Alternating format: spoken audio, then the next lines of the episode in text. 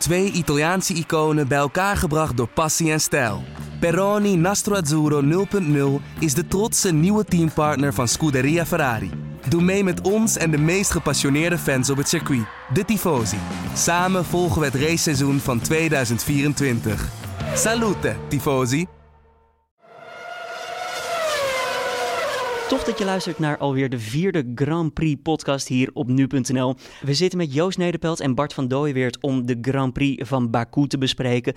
Een race waar ontzettend veel gebeurd is. Joost, um, een onderwerp waar we niet omheen kunnen, moet wel besproken worden. Meteen aan het begin Verstappen en Ricardo Red Bull Racing de grote aanrijding, ja. Allereerst wil ik even zeggen, ik ben heel erg verkouden, dus vandaar deze uh, rokerige stem. Maar uh, ja, dat was wel een moment uh, wat weer lang in de herinnering zal blijven. En um, elke moment waar ja, de, wat voor Verstappen weer niet goed uitkwam. Want het was natuurlijk weer een incident waarbij hij betrokken was. En dan hebben we het niet eens zozeer over de schuldvraag, maar hij heeft gewoon een clean race nodig waarin weinig gebeurt. En dat was nu weer niet het geval. Um, en dat was voor de rest uh, natuurlijk voor Red Bull uh, echt een, een, drama. Dat je twee auto's die op zich in een redelijke positie zitten zo uh, van de baan ziet gaan. But he's going to oh. try and dive down. And suddenly have crashed. They've gone into each other.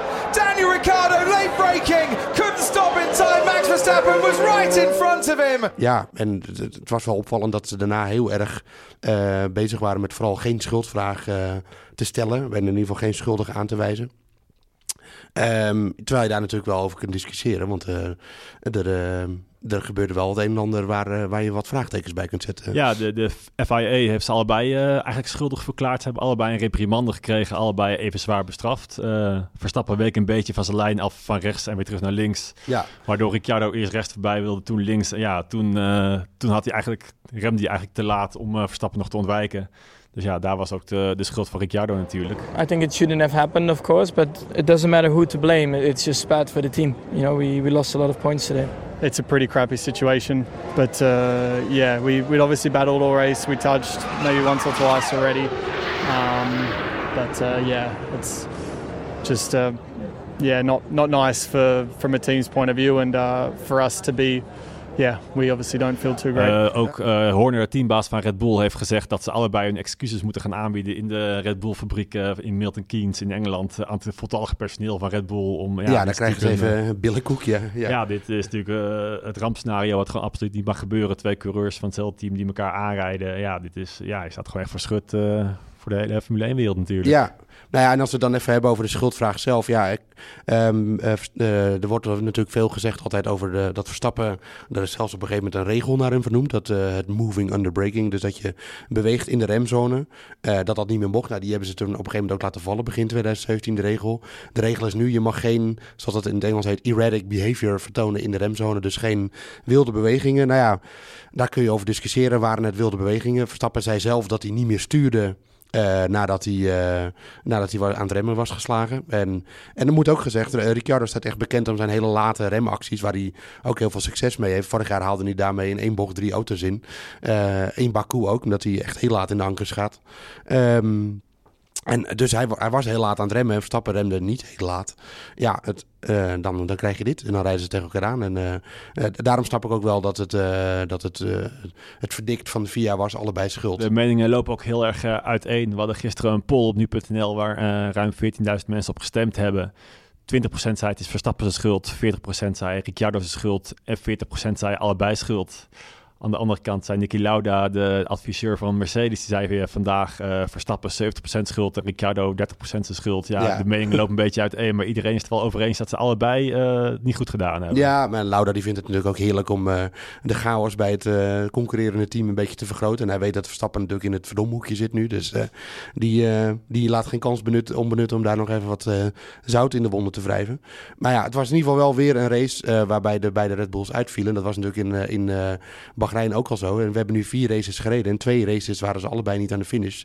Dus er moet echt nog wel wat gebeuren bij Ja, je zag het in de race ook wel aankomen. Ze hebben voor mij uh, drie keer eerder een gevecht uh, uitgevoerd om die, die vierde, vijfde plek waar ze op reden. En dat ging heel veel aan toe. En het ging al eerder bijna mis dat Verstappen met zijn wiel uh, Ricciardo aantikte.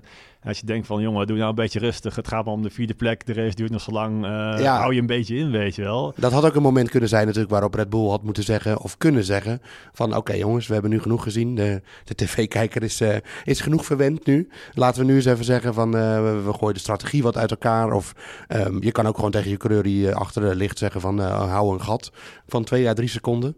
Ja, dat wilden ze waarschijnlijk ook weer niet doen. En misschien waren ze bang dat Ricciardo zich daar überhaupt niet aan zou houden. Dus het was eigenlijk iets waar je gewoon... Ja, iedereen zat erop te wachten dat dit zou gebeuren natuurlijk. Ja, of wat je als team ook kan doen, is gewoon allebei op een verschillende strategie eh, laten starten. Ja. Laten eenmaal op een zachtere band starten en de ander op een hardere band. En dan moet hij hem wel voorbij laten, want hij heeft een hardere band. En eh, later in de race is het misschien andersom. En dan mag Verstappen Ricciardo weer voorbij. ja. En nu zie je heel vaak dat Red Bull eh, zowel Ricciardo als Verstappen soms in dezelfde ronde de pitstop laat maken. Ja, dan krijg je ook gewoon dat ze heel dicht bij elkaar racen. Ja, we weten de, hoe Verstappen, hoe hard hij verdedigt. ja. Voor mij is voor Ricciardo is niemand zo moeilijk in te halen als Verstappen. Je zag hoe die eh, vorige keer in China Hamilton, Vettel allemaal kan passeren. En eh, ja, voor mij is er niemand die zo hard eh, verdedigt als zijn eigen teamgenoot. Nee, inderdaad. En het was voor Verstappen natuurlijk ook wel een moment om, eh, om even eh, het, ja, ook weer te laten zien wie de baas is. Want hij vindt zichzelf natuurlijk de snelste coureur in het team. En eh, na de vorige race in, eh, in de China, die hij natuurlijk eigenlijk had moeten winnen. En, die Ricciardo won, Ja. Eh, toen was het natuurlijk vooral eh, dat eh, iedereen was heel erg lovend over Ricciardo. En Verstappen, ja, die zat toch een beetje op het strafbankje. Dus... Eigenlijk had Verstappen misschien ook wel het gevoel van als ik me hier weer te kijk laat zetten door Ricciardo, dan, eh, dan gaat het wel erg de verkeerde kant op. Maar ja, het, het nadeel was wel dat hij nu weer betrokken is bij een aanrijding op de baan. Of het nou zijn schuld was of niet. En al eerder natuurlijk. En hij stond op vrijdag al een keer in de muur. Het was in ieder geval weer geen vlekkeloos weekend voor Ja, Verstappen. het kan een keer gebeuren natuurlijk in een Formule 1 seizoen dat je, dat je een keer een crash hebt met een teamgenoot of met wie dan ook. Dat komt, overkomt bijna elke coureur wel een, Ja.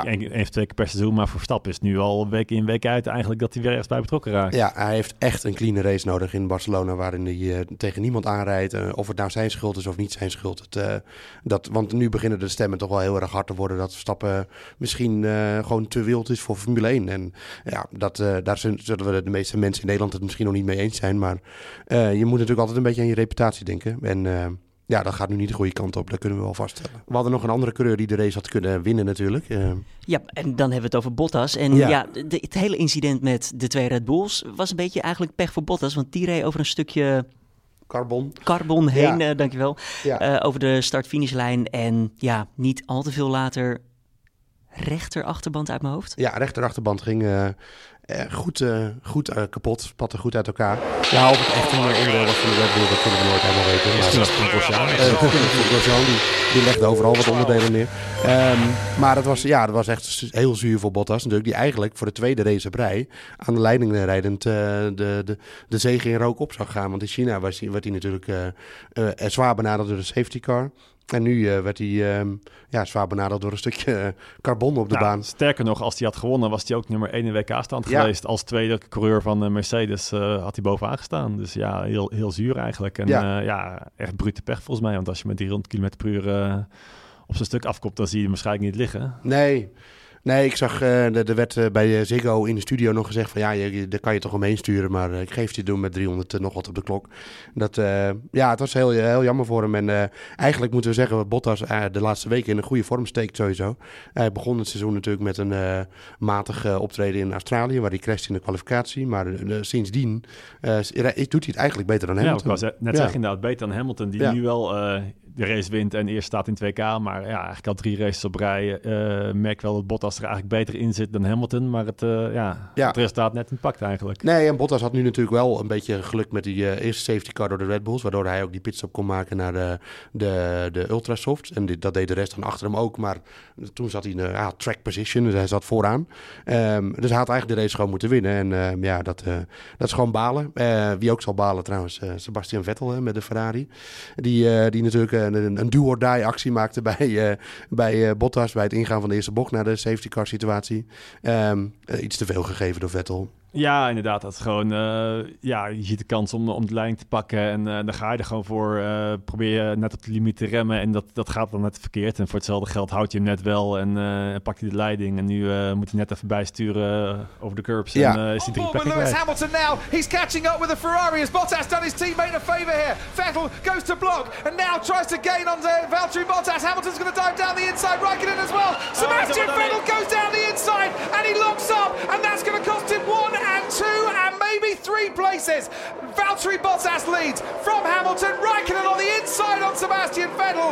And he picks up a place on his teammate as Hij well. moest het doen, zei hij zelf, van zichzelf. En hij, hij heeft, had er ook geen spijt van, maar die van binnen zal hij er gerust wel spijt van hebben. Want hij, eh, ja, heeft nu twee slechte resultaten op rij eigenlijk. Eh, in China eh, was hij... eh, In China door Verstappen inderdaad, dat Ja. hij eh, omgetikt wordt. ja, precies, achtste.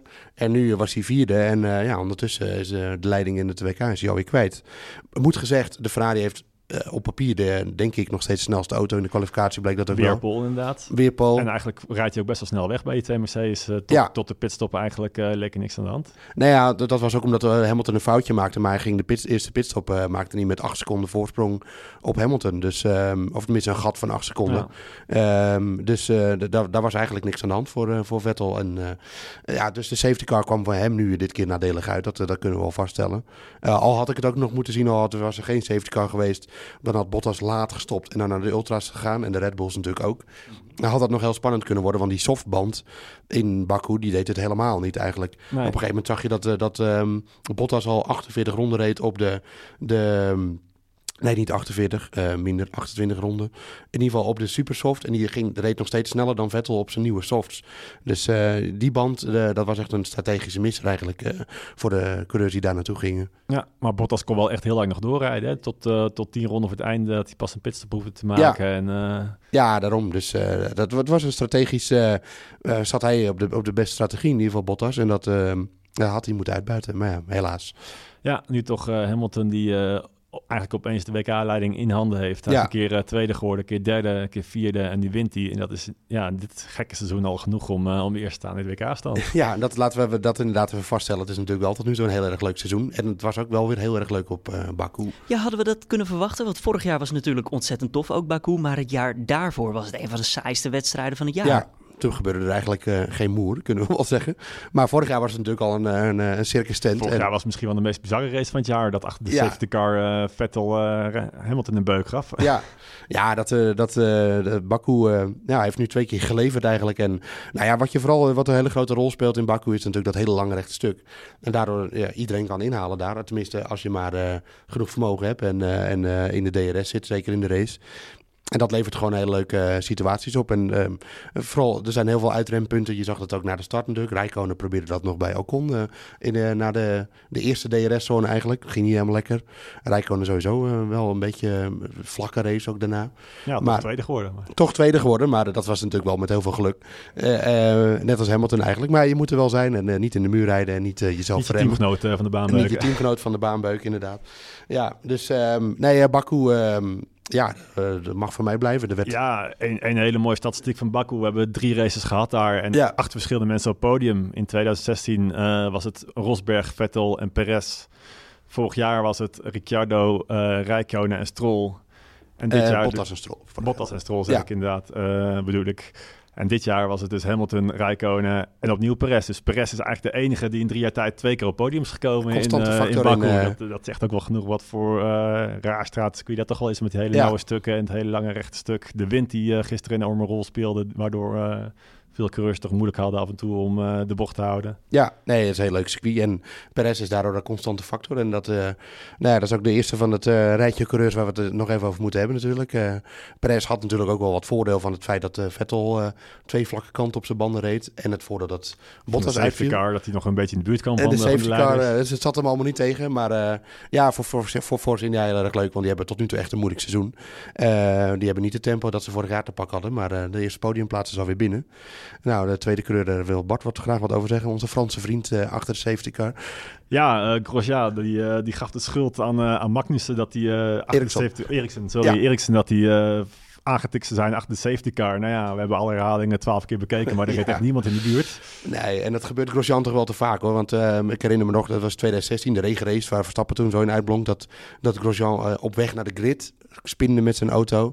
En dat soort, dat soort grappen heeft hij toch wel heel vaak. En dit, ja, met zijn ervaring, hij is al best een ervaren coureur. En dan, en dan dat soort fouten maken, dat, dat kan eigenlijk echt Ja, niet. het was zo ontzettend pijnlijk. Je zag hem ook eh, de pitstraat terug inlopen en niemand van zijn team die eh, keek me op of om. Ze dachten allemaal, wat een sukkel ben jij eigenlijk? Ja. En, eh, ja, echt een walk of shame was het. Ja, en ook een sukkel was natuurlijk Hulkenberg. Dat moeten we ook eerlijk zeggen. Want eh, vorig jaar uh, in kansrijke positie toch echt wel uh, reed hij zijn rechter voorwiel reed hij tegen de muur aan. En nu was het zijn linker achterwiel.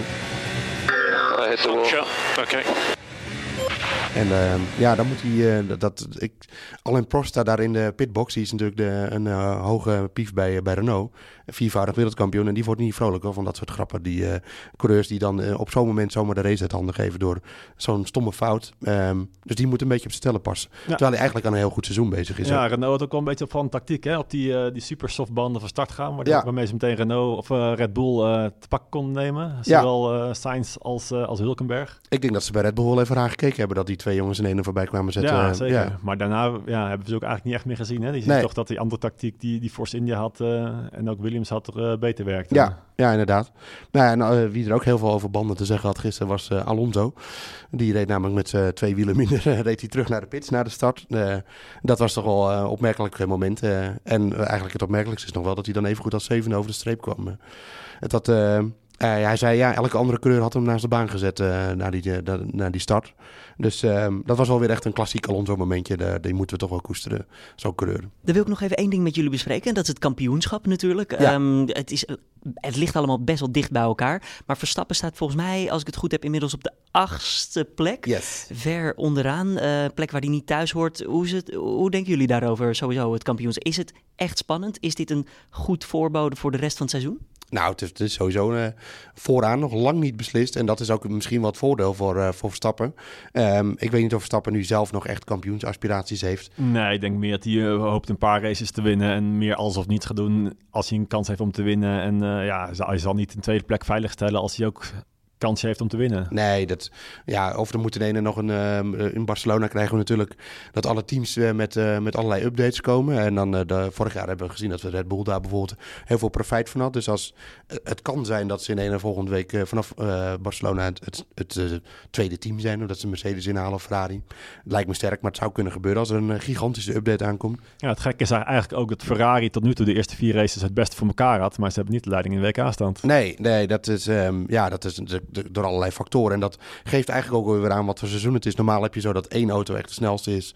En die rijdt dan weg in het begin van het seizoen. En ja, dat is nu zeker niet het geval. Uh, dus uh, de, de, de, fans zijn daarvan de winnaar natuurlijk. Want, uh, ja, het wordt echt nog een mooie strijd volgens mij het hele ja. seizoen. Tussen de twee viervoudig wereldkampioenen, Vettel en Hamilton. Die misschien wel tot het einde echt gaan strijden om de wereldtitel. En ja, ja, ik durf op dit moment geen 100 euro op te zetten wie er gaat winnen. Nee, ik ook niet. Nee. Bottas nog op het vinkertouw. Rijkonen, nou, die lijkt dan toch echt niet bij machten om Vettel de baas... Ja, hij werd gisteren natuurlijk tweede, maar uh, normaal gesproken in de kwalificatie ook niet. En als Verstappen twee, drie goede weekenden op rij uh, heeft en de, bij de anderen zit het een keer tegen, dan kan hij zomaar weer meedoen. Dus uh, het seizoen is nog lang niet voorbij en er gaat nog heel hoop gebeuren, denk ik. En dit was dan de vierde aflevering van de Formule 1 podcast hier op nu.nl. Hartelijk bedankt Joost Nederpelt. Over twee weken op 13 mei zijn we terug met de Grand Prix van Spanje. Dan rijden we in Barcelona en de dag daarna kun je uiteraard weer een nieuwe Formule 1 podcast hier op nu.nl verwachten.